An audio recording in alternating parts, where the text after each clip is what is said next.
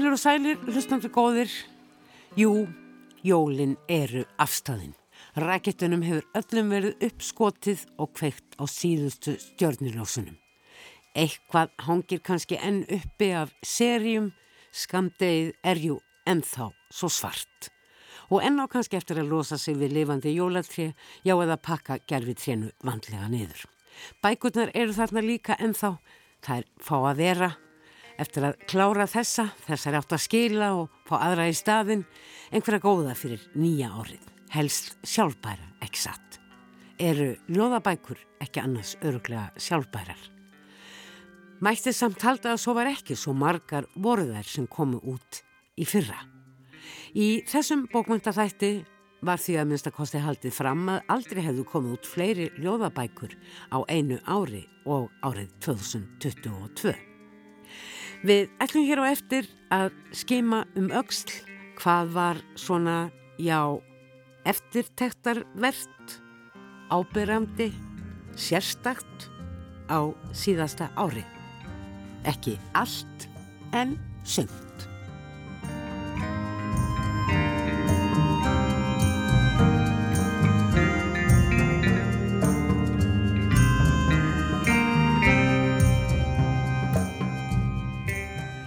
En svo framhefur komið í ymsum eða að minnstakosti engverjum yfir litum yfir bókmyndir ársins 2022 má ljóst vera að loksins, loksins hafið þeim höfundum á Íslandi sem ekki eiga sér íslensku að móðurmáli tekist að brjótast í gegnum aðskilnaðar múrana og aðfenda okkur öllum íslenskum lesendum með ólík móðurmál fram úr skarandi bækur gefnar út af virtum og gamalgrónum, jæmt sem litlum og földum forlegum og unnið jafnvel til virtra verluna líkt og Natasha S. sem fekk velun Tómasar Guðmundssonar fyrir fyrstu ljóðabók sína máltaka á stríðstímum árið 2022.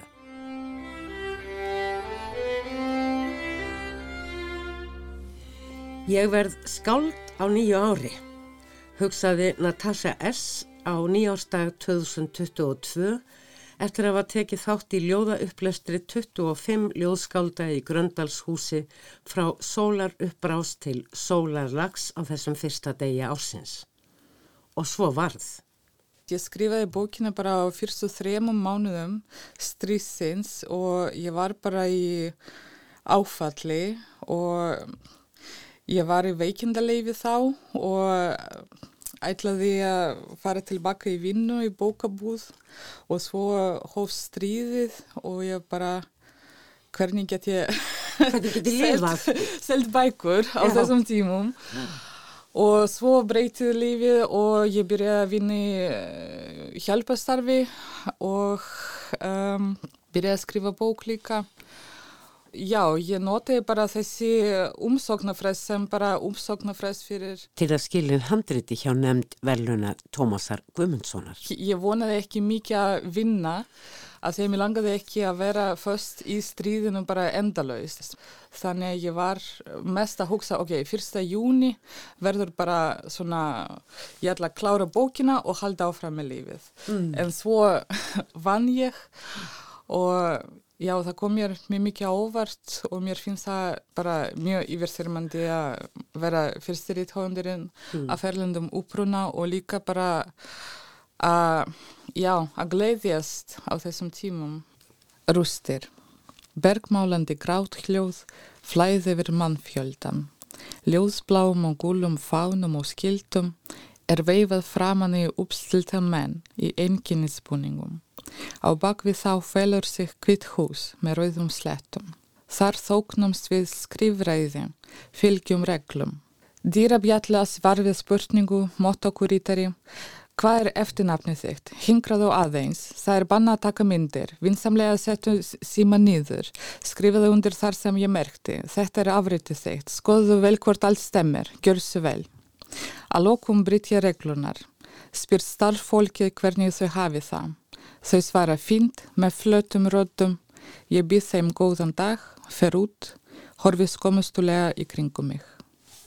Fyrstu ljóðin skrifaði ég fyrir upplestur uh, fyrir Ukrænu En svo ég kom upp með títill svolítið seint og svo eftir títillin fatti ég að ég geti bara hafa það eins og bara máltaka þegar maður lærir tungumála, lesa, skrifa, um, hlusta og skilja. Ég er að eh, leita hérna að uh, ljóði, eitt af þessum ljóðum sem þú gefur titilinn nútíma samtöl.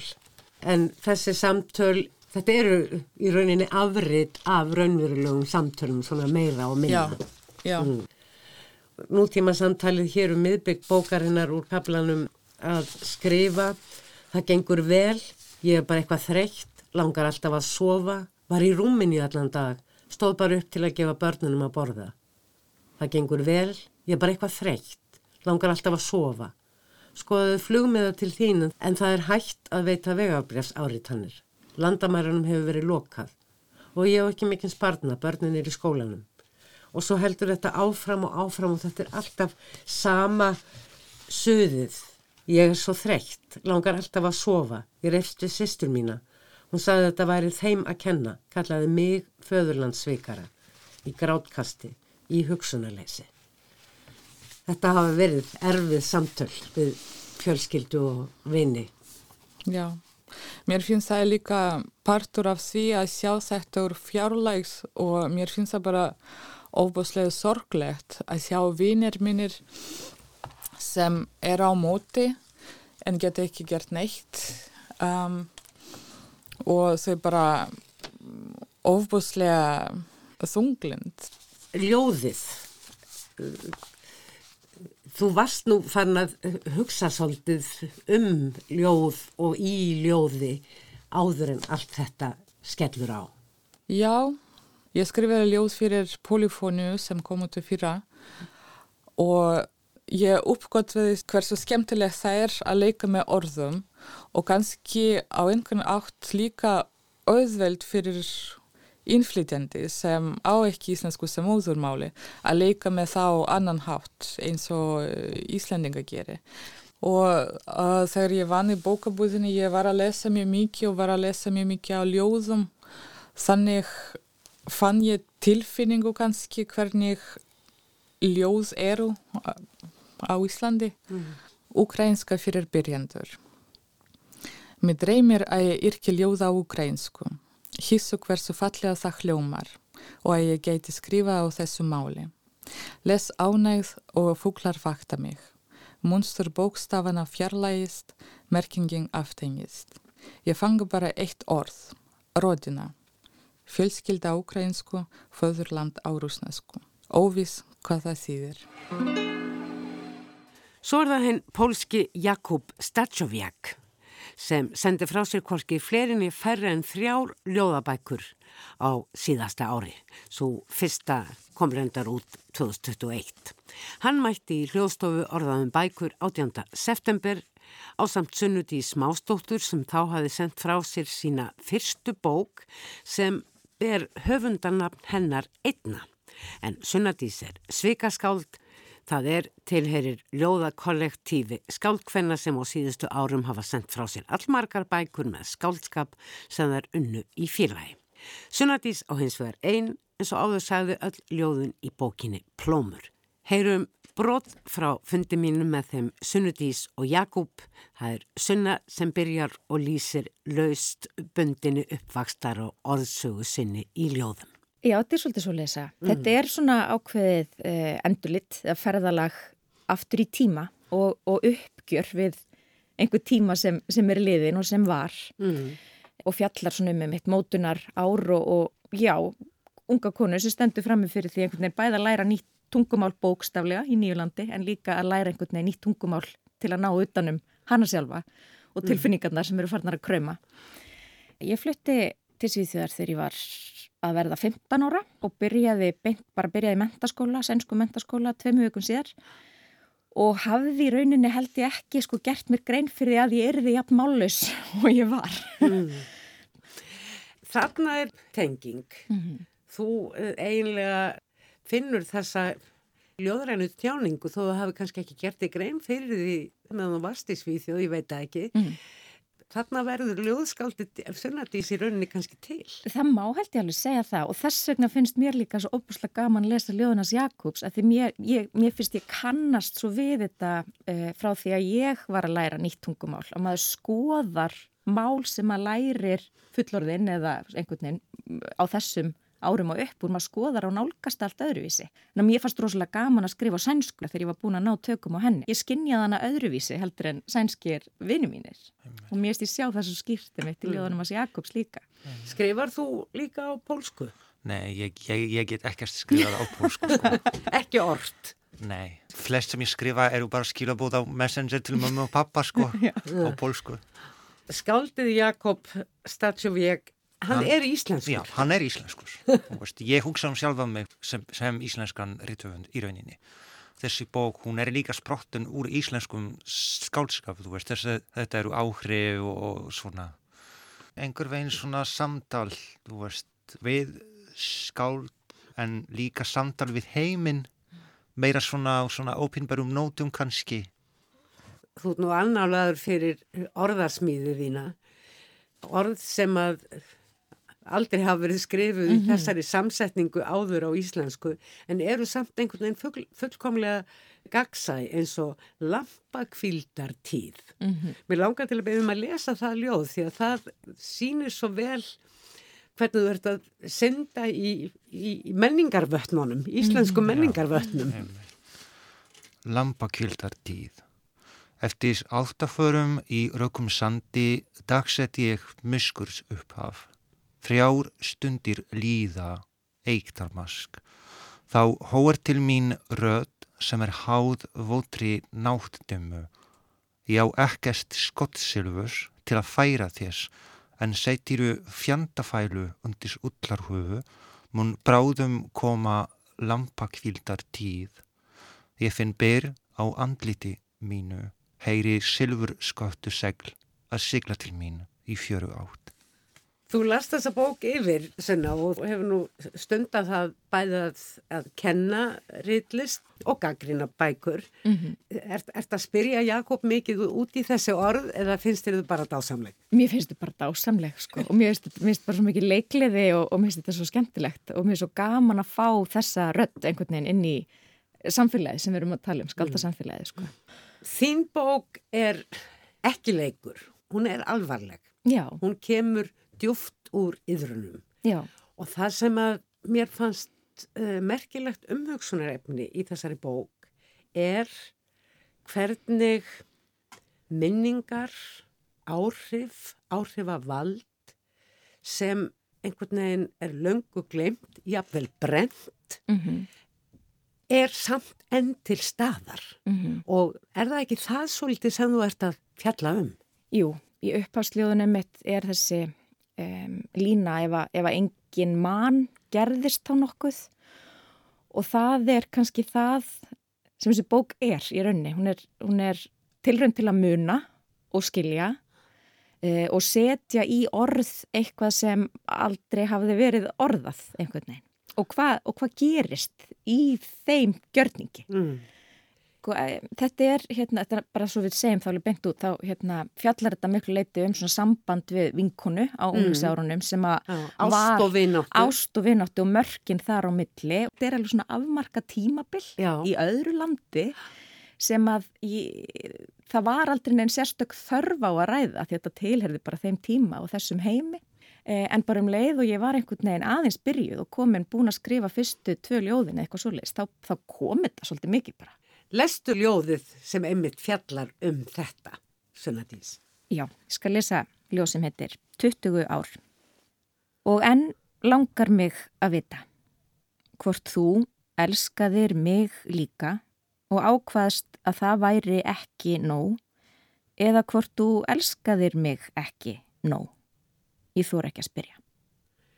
Á síðun á móti mm -hmm. er ljóð sem heitir Sænska mér finnst það reyndar svona eiginlega stinga í stúfaðis við hinn ljóðin í, í bókinni mm -hmm. en þú verður náttúrulega í svona bók verður að koma inn á tungumálið og við langar eiginlega til þess að fá það líka. Til að fá það líka, já, ég skal lesa sænsku líka. Sænska. Við mættumst í dimmunni. Þar náðu við saman. Ég steg út úr myrkrinu, þú þokunni. Dimman, einskismannslandið á millokkar. Það er fallega orð. Það er fallega orð, já, sem þýðir þetta. Tvent, tvent ólíkt af málunum tveimur.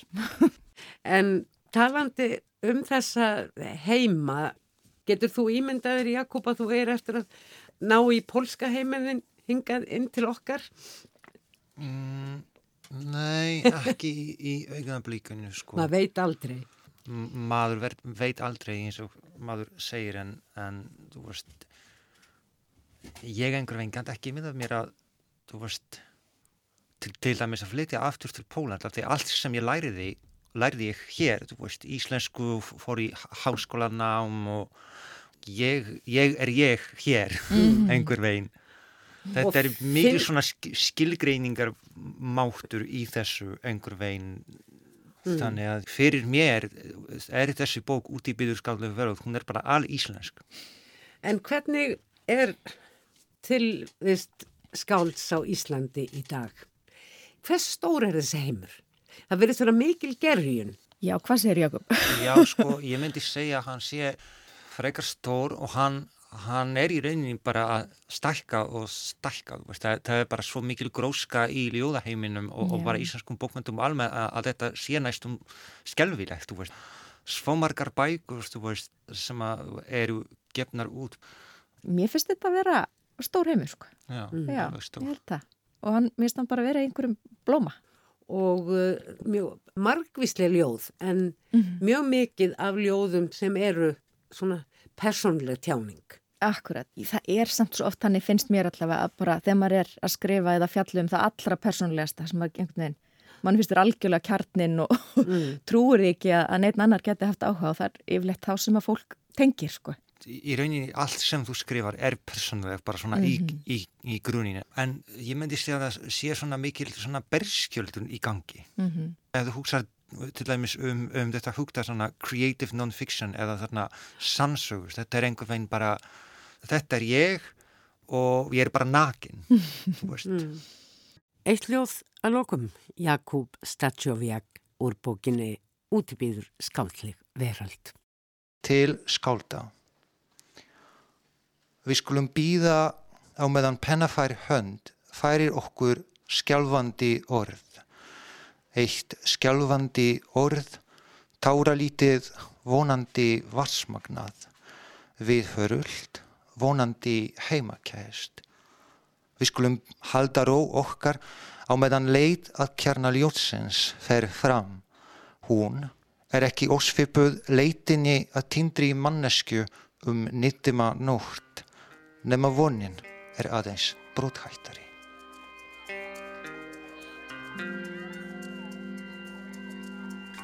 Í þessum brotum úr samtali mínum við þau Sunnudís og Jakob þótti mér áhugavert hvernig kristallaðist ymitt það sem ekki síst þótti eftirtektarvert á bóka árinu 2022. Nefnilega hversu opinskátt og hispuslaust höfundar varpa því sem næst þeim stendur eða dýfst liggur hið innra og spekla í kviku þess sem er, bæði í ljóðum og sögum. Auðvitað á skáldskapurinn æfinlega upptök sín hefði innra með skáldinu sjálfu, óskrifuð sannindi sem ekki hafa fyrir ná síðustu árum verið til sérstakrar umræðu. Nú er þið persónulega hins vegar undirstrykað og viðurkjönt sem uppsvretta og kjarni skáldverka og hefur fengið fræðiheiti eins og sannsaga og skáldæfisaga. Umræðan hefur þó verið tvíbent ef marka má samræðu Önnumaríu Björstóttur bókmyndafræðings við rítöfundana Auði Jónsdóttur, Efurún Snorradóttur og Fríðu Ísberg á þessum vettfangi í vor leið um það hvort sjálfsæfisögulegu skálskapur sé litin ólíku auga eftir því hvort um karl eða hvenn höfund sé að ræða. Hér fáinn brott, fyrst Evarún. sko, mér finnst oft svona eins og bækuna mínar sé ekki alveg, eða sérstaklega síðasta sem var svona meira í ætt við skáldsögu, að það var svona dálítið áhugavert hvernig uh, hún er metin sem einhvers konar, einhver hugmyndin um einhver svona hreitn og tær skáldskapur. Það er svo lítið rýnt í bara hvað þetta er og ég upplifið svolítið mikið svona eins og það sé svolítið munur að því þegar hérna konur og þá hins einn konur því að það er svolítið mikið svona lesbismi í þessari bók. Og, já, óskilamunir heitir hún. Og svona ég upplifið svona að það væri svona svolítið mikið prívat þegar hérna lesbía skrifar um erfileika í, í hjónabandi eða þú veist kynlífi eða eitthvað svona. Og það var svona svolítið forvitinlegt að sjá að það þótti svona prívat því að þú veist þetta er ekki æfisa heldur er þetta skálskapur sem að er unnin upp úr lífi. En þetta er samt alltaf skálskapur ég held að þegar menn skrifir svo leiðis þá er það ekki prívat og kannski ekki heldur gagkinnaða konur, allavega ekki jafn mikið. Fríða Ísberg. Ég upplegi rosalega mikinn mun á, á þessu með sko ljóðbækur og skálskap hjá mér allavega. Þegar það er ljóð þá er það bara algjörlega splæst saman í einnum út einum. En ég kannski var svolítið svona heppin með fjarlæðin að gera að vera með sko margrata bækur, fyrst smásansapn og síðan skálsögur sem með fjóra kartira. Þannig að það er einhvern veginn ekki jafn mikið verið að klína karakterinn mínum á mig en ég hef samt vissulega lendið í að að svona karakter eru kláða til dæmis að, að fólk, þú veist bara eitthvað svona, já ég róðnaði bara þegar ég las kynlýsatriðin þegar ég bara ímdaði með þig og manniðin, þú veist og ég eitthvað, já, það er ekki alveg þannig ég fæ vissulega þessar spurningar er þetta þið eða er þetta þú, þú veist eða stundum segir fólk bara, já þú ferndist í gráskirkju. Nei, það var karakterinn minn. Auður Jónsdóttir. Í rauninni gera allir höfundar það því að þú hefur ekki nema þinn hugarheim til að spinna úr og með.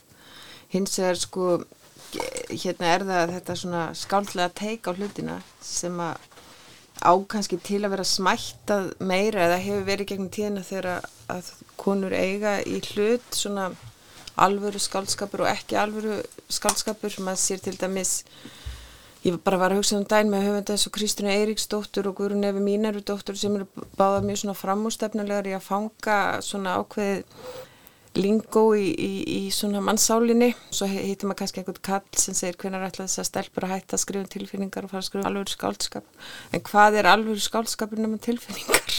Mm. en þetta er líka mótökurnar svona viðþorfið fyrir líka bara eftir við hvernig mann talar. En ég man eftir að hafa einhvern tíma skrifað í bók hérna þegar kona e, skrifar um, um innra lífsitt þá er það tjekklitt en ef, ef kallmaður gerir það þá er það tilvistastemna mm -hmm. Það er svona nýja afgreðslan sem er ekki tjekklitt heldur þetta er naflaskoðun mm -hmm. og það er kannski ríkara í kvennabókmyndum að fara svolítið inn á við og ég elska þannig bækur Já, þetta er en bara sko, höfundurinn. En sko naflaskoðunin getur verið mjög framsækin og augrandi og, og upplýsandi, þú veist, eins og hefur verið í bókmöndum mikið eftir konur svona síðustu 20-30 árin, þess að það er mjög sterkar skaldkonur hérna, var farið mjög fram svona í því og mm. virkilega enda með að verða stórir bókmöndalegir viðburðir þeirra höfundaverk og líka bara alþjóðlega. Já, nei, ég held að það sé bara mjög mikilvægt að þjálfast upp í þessu milli rými að geta tæklað raunveruleika okkar með verkvarum skálskaparins bara svo magnað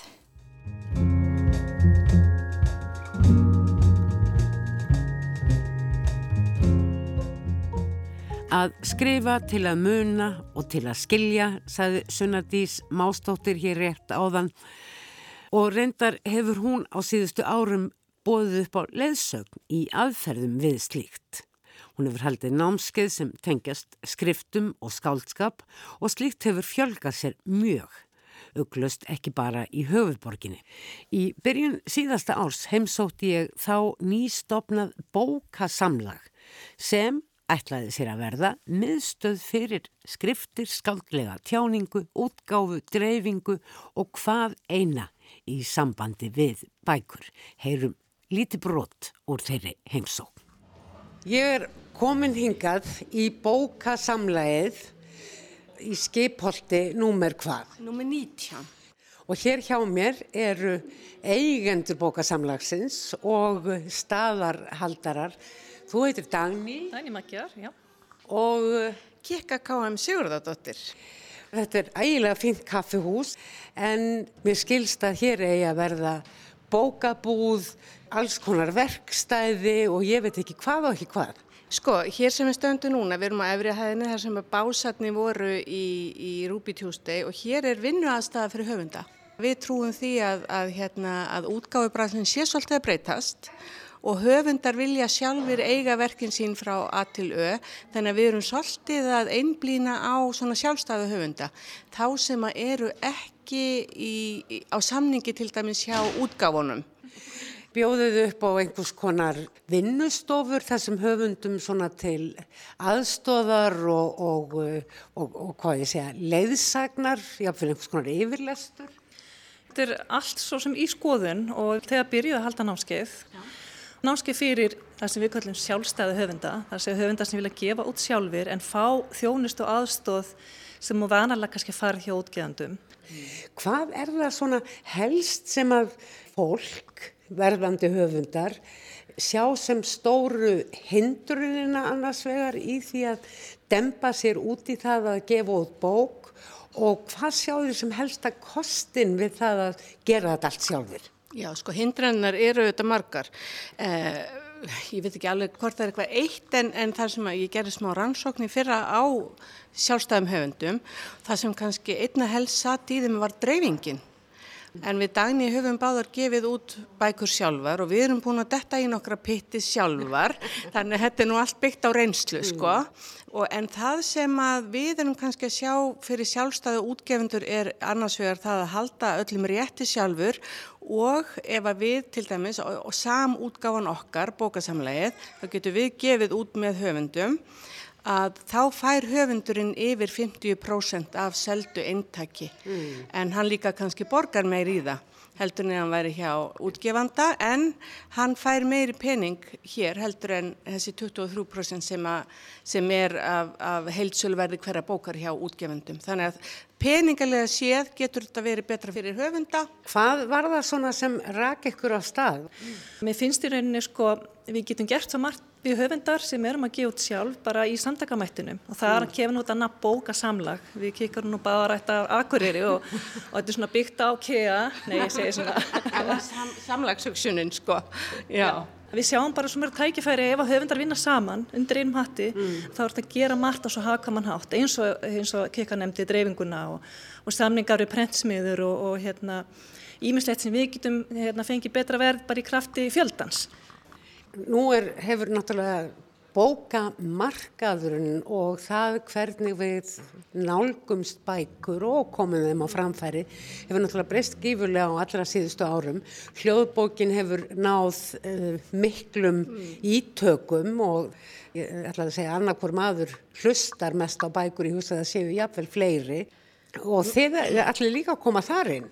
Já, sko, það kemur svolítið út af húsnæðinu að við fengum þetta frábæra húsnæði hérna í skipholti og það er plást til að setja upp hljóðverð og við ætlum að setja upp hljóður, við erum ekki búin að ræði, það er verið að vinna í því.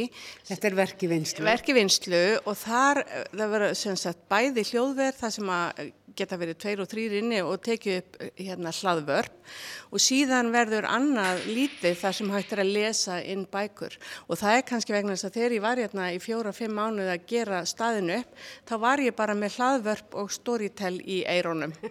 Mér voru sagðan marga sögur mm. á meðan ég tók þetta í gegn. Munið þið vera líka með einhverja svona uppákomur, upplestra og bókmæntakvöld? Já, heldur betur. Það eru tækifæri til þess að þessum mm. stað. Og líka talandum um þessi samlegar áhrif og samstarf að höfundar geta tikið sér saman til þess með útgáfihóf sem mm. er náttúrulega miklu hafðkvamara og, og, auðvildara kannski að kynna og trekja að. Mm. Og höfundar geta komið hérna og, og kynnt verk sín, jafnveg verk í vinslu, maður vilja kannski hérna, vinnaði með hérna, sínu lesendum. Tækifærin eru bara gríðarlega mörg. Ég stóðst ekki mátið að líta inn hjá bókasamlegi þegar Dagnjar Magjar og Kekku aftur núna og heyra hvernig áformin öll í samfélagi verðandi höfunda hefðu gengið eftir. Það er Kekka, Kristlu Marja Siguradóttir sem stendur vaktina þann daginn. Jæja, þá er ég komin, já, tæpu 11 mánuðum síðar já. til þín í bókasamlegið og þarna í lók februar að þá voru þið hérna tvær, þú og Dani Magíar og voru með mikil áform. Já, já. Þetta var svona verk í vinslu eins og við orðiðum þar. Bókasamlægið, kaffihús, vinnubúðir, atkvarf fyrir verðandi höfunda, uh, útgáfu og uh, ekki bara við útgáfu heldur líka við skriftir og, og reitstjórn. Og jafnvel var draumurinn einhvers konar bókabúð. Hvað, hvernig er staðan núna? Þetta gekk allt saman upp. Og við bættum við sko hljóðveri. Nú erum við líka komið með hljóðver þar sem að höfundar geta komið og tekið upp bækurna sínar. Og að því þú sagðir hérna verðandi höfunda, þá erum við líka sko staður fyrir bara vinnandi höfunda sem hafa verið að skrifa lengi. Og sko, þetta hefur gengið ljómandi vel og, og hérna, og við erum með skrifhópa akkurat núna, erum við að því að nú janúar, að með hérna, skrifverkefni sem við kallum skrifanúar. Og þetta er svona veganúar, skrifanúar og eitthvað svona að allir fara í gang með eitthvað í janúar. Og dætt okkur þetta í hug. Og við erum með hópa bæða morgnana uh, setnipartin og á Zoom þar sem við svona bara spjöllum aðeins saman og svo bara skrifum við saman og hérna og skrifið beinlinis saman, þið eru með handreitt opið eða hvað? Nei, sko, það er bara hver að vinna í sínu. Og það er svona pínu markmið að, að hver og einn, að ég setti mér markmið að, að og þetta er þetta stólið konsept frá bandaríkjónum sem að, hérna, það taka november í þetta. Það er hérna NaNoWriMo kallar og það er National Novel Writing Month sko og, en það myndi enginn setjast niður og byrja að skrifa í november á Íslandi sko. Það er alveg glata þannig að við færðum í januar og það eru margir með sko að skrifa og með bókimaðanum þannig að þetta er alveg að virka og það er bara hver að vinna í sínu handriti og ég persónulega ætla að skrifa sko þessi 50.000 orð sem að maður setur sér og, og, og alveg stólið þá úr þessu bandaríska kerfi. 50.000 orð þá býttu nú við á viku eða Nei, nei, nei, nei, yfir mánuðin. yfir mánuðin. Já. Og ég finna alveg, ég er svona farin í ákveðin fasa, núna er ég sko ekki að fara yfir drög eða laga eða eitthvað þannig, heldur er ég bara í að henda niður sko drögum eða. Öllu sem þetta eftir í hug. Já, já, nákvæmlega og svo get ég þá bara byrjað í, í februar að vingsa úr og, og hvað það er sem ég ætla áfram með, sko. En á þessu tímabili þá komu út nokkrar bækur í ykkar samlagsbóka samhengi, bókasamlagsins. Já, já, bæði fólk sem að hafi komið á hérna, námskeiði hjá okkur, gengur þú með bók í maganum, það var mjög fjölsótt, við heldum það oft í fyrra. Og, Og kom fólk aftur og aftur, jáfnvel. Nei, en það kom síðan bara í bókasamlæðið og, og, hérna, og við hjálpuðum nokkrum með bækur út og fórum í eina samútgáfu sem að svo bók kemur nú eiginlega ekki út fyrir á næsta ári samt, eða þessu ári, 1923. Það komi nýtt. 1923, heyrðu hvað ég far, 2023. Þannig að, að það, það fór svona í gang og, og svona ráðgjöfin við fólk af því að við, við setjum þetta upp þannig að við erum búin að gera alla vittlisutnar þannig að fólk þarf ekki að gera það aftur sko. Bara með því að hafa samband við okkur eins og ég held ég hef sagt þá líka, þá sparar það strax peninga sko. Og, hérna, Og fyrirhöfn og angist og kvíða, jáfnvel. Já, já, já, já, og sömur koma bara til að tala einmitt burtu kvíðan, sko, og þá erum við að segja með þetta er allt í lagi, þetta, þetta hefur verið gert áður og hérna við kunnum þetta og við skulum hjálpa þér. Mér reiknast til að séu svona fjóra, fimm, jafnvel sex bækur sem hafa komið út upp úr bókasamlæginu, já. Ég fór nú inn á uh, heimasíðun ykkar, það er ekki bara bókasamlagit.is Jú, en hún er nú í uppfærslublessunin, en, jú, En ég gæt nú samt séð þarna ímislegt eins og til dæmis uh, stórglæsilega bók eftir Særunu Lísu Birgisdóttur hætti þessu fyktistrákar. Já. Ég vissi nú ekki hversu glæsilega hún var fyrir nú, bókin fyrir nú síndir mér eða því að myndinni verðist þetta vera bara svona, jú, bleik með fallegum dreng, mynda fallegum dreng utan á Já. og verðist vera svona bók sem að flettur upp á fyrstu síðu og lesa síðan í gegn en þetta er stór bók Já. með mikið af myndum Já. Og fjallar í, já, í fornsögulegu samhengjum homma. Já, bara saga homma á Íslandi, sko. Og Lísa, sko, hún gerði, held ég alveg öruglega mestarreit gerð, hún er þjóðfræðingur, eh, um þetta málefni og sem að þótti síðan bara svo merkilegt að hún var hvert áfram til að gera bók sem hún nú gerði og þetta er bara ofbóslega falleg bók og flott og þetta ánáttlega bara að vera til á hverju einasta heimili sko. Það stendur þarna í uh, tekstanum á heimasíðinu hugmyndin með þessari bók er að veita homum fortíðar uppreist æru Já. með því að draga fram í dagsljósi jám tetjur skáldsagna, saglösa smaladringi, ástandstráka, skáld og aðra sem báru þær byrðar að elska út fyrir normir. Já, og hugsaði þér. Bara, ég menna, samtökju 78, þetta er ekki eldri en það, sko, en Lísaði náttúrulega að fara alveg bara í landnámið líka við, sko, og hérna, og ég bara hvet fólk fólk til að fara í bókabúður og kaupa sér þessu bók. Þetta er stofistás. Og svo er þarna bók eftir Hjálmar Þór Jensen, Lindarbrandur. Já, það, það er einhvers konar svona vísindaskaldsaga. Jú, það er svona fantasía sem er svolítið í gangi á Íslandi núna sem er skemmtlegt og svona fyrir yngra fullorðið fólk sko. Og, mm. og það er svo bók síðan að tala um sem að kemur út núna í mars formlega. Mm. Hún er komin sko til landsins en, en hún bara kom svo sent í að þannig að við ákvaðum að sleppa því að vera í einhverju jólabókaflóði og, og svo bók kemur bara út með pompa prækt í mars. Verður vorbók? Vorbók, fína, fína lesi sumar. Og svo er það náttúrulega Sveinbjörg Sveinbjörgsdóttir með aldrinum að vinnukonna. Þetta er önnur bókin hennar og hún gefur hennu út sjálf að þessu sinni, algjörlega. Hún uh, fekk sér prentilbóð, hún kom reyndar á námskeið hjá okkur í gengur með bókimæðanum og, og er í bókasamlæðinu félagi og við erum í miklu sambandi en ég dái svo aðinni. Í fyrsta lagi þá er hún að. Þetta er ekki kona, uh, ungkona? Herðu, okkar manneski er 75 eða 76 ára Já.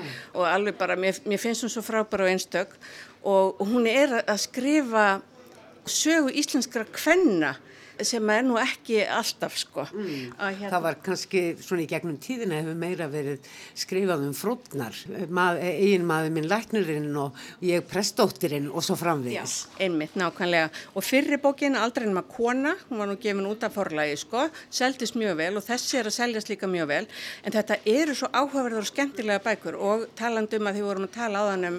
Er þetta almennar frásagnir eða eru þetta frásagnir af ákveðnum konum? Alveg af ákveðnum ungum konum og úr skagafyrði og þessi bók endar sko þegar hún er að fara vestur um heim og, og ég reikna nú með að hún Sveinbjörg haldi áfram með þessa sögur. Þetta, þetta er ein kona sem er þarna er sagt frá? Nei, nei þetta eru fleiri konur og, en það eru skildar og tengdar sko og þetta er svona, mér finnst þetta mjög skemmtilegt og ég hlustaði á fyrir bókina mm. því ég var einmitt að keira norður og akkurýri og aft tilbaka.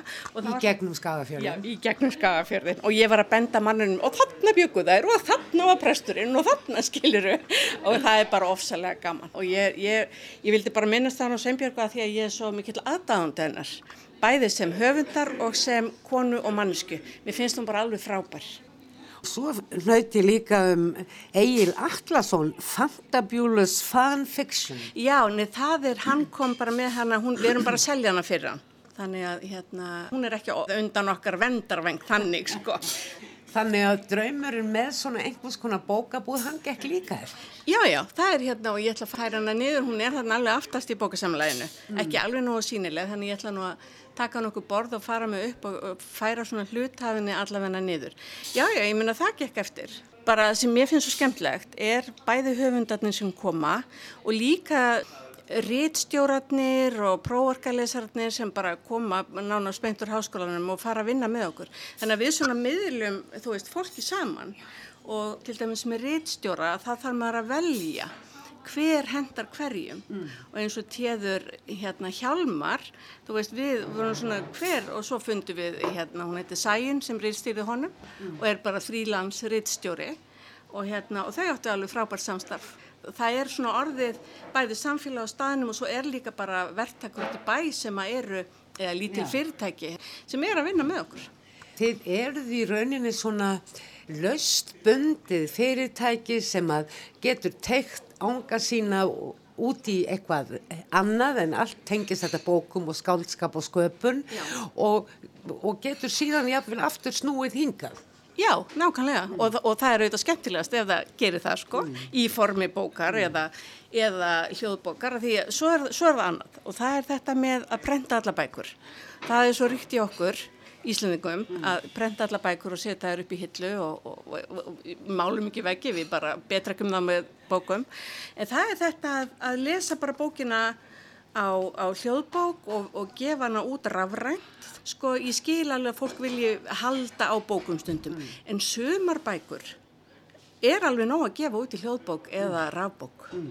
Það eru aðalega til þess að njóta bara á augnablikin og svo vil maður bara þessna fá framhald eða Já. einhverja aðra bók eftir viðkomandi höfum. Nákvæmlega og svona bókaveitur eru margar byrjar á því að vera með svona framhalds, mm. þú veist hérna kindervilla, svona, svona nóvelur á á Amazona sem þú bara færð bita og bita úr sögunum sko. Mm. Svona svo framhaldssögur í tímaritum í gamla dag. Já, nákvæmlega og ég held að bókaútgáfa þó hægt gangi sé að þróa svolítið í að fólk er að sjá að það eru fleiri möguleikar heldur en að setja sér í skuld og vera með lager í í bílskúrtum sko mm. eða, eða inn á stofi eða í samegninni sko í eða hálf grátandi að þið getur ekki hugsað sér að það má ekki henda bókum og, og það er orðið, orðið bara erfitt að koma þeim áfram já, já. Í, a, til lífs Nei, nákvæmlega og ég las nú hérna viðtal bara á internetinu við höfun sem mann genið sem heitir sem að gefi bara sín verk út rafrænt og,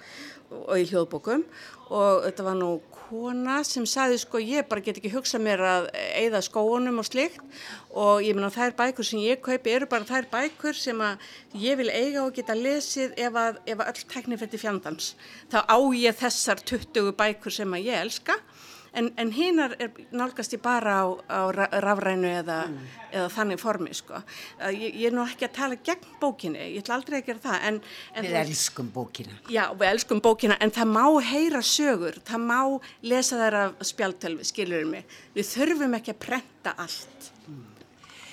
En þeir eru fjölmargir sem vilja segja öðrum sögur, sínar og annara og þær sem verða til í, í hugskotinu. Já. Hvað heldur þetta sé margt fólk svona sirka sem er búið að fara í gegnum bókarsamlæðið á þessu ári? Sko, það eru örglega svona sem hafa komið hugmyndur og við hefum hjálpað að þráa. Ég hugsa að sé svona 50-60 manns mm. og sumir eru bara ennþá með okkur sko og allir sé þá ekki passi ekki að svona 10% svona 6 bækur hafa náðu við út á árinu mm. en, en hinnar eru bara áfram í vinslu og það mm. er ágætt að vera með eh, hérna, nokkrar í gangi nokkra sögur og hérna það þurfa að meldast sko. Það er þurfa tíma. Já, nefnilega. Þetta er einhvern veginn ekki endilega hraðinn. Þú verður að þess að matla eða það er mín skoðun. Bókasamleið er með öðrum orðum komið til að vera. Já. Já, ég lofa því. Það er komið til að vera. Kikka, Kristlu og Marja Sigurðardóttir, hjartanlega til hamingu með þetta fyrsta ár og takk fyrir. Já, takk fyrir kaffið, góða. Já, já, takk fyrir að koma, Jórun. Fleiri verða orð um bækur og skáldskap fyrra árs og þess nýbyrjaða ekki að þessu sinni. Tæknimaður þessa þáttar var Jóanna Varsjeka. Takk fyrir að hlusta, verði sæl. Música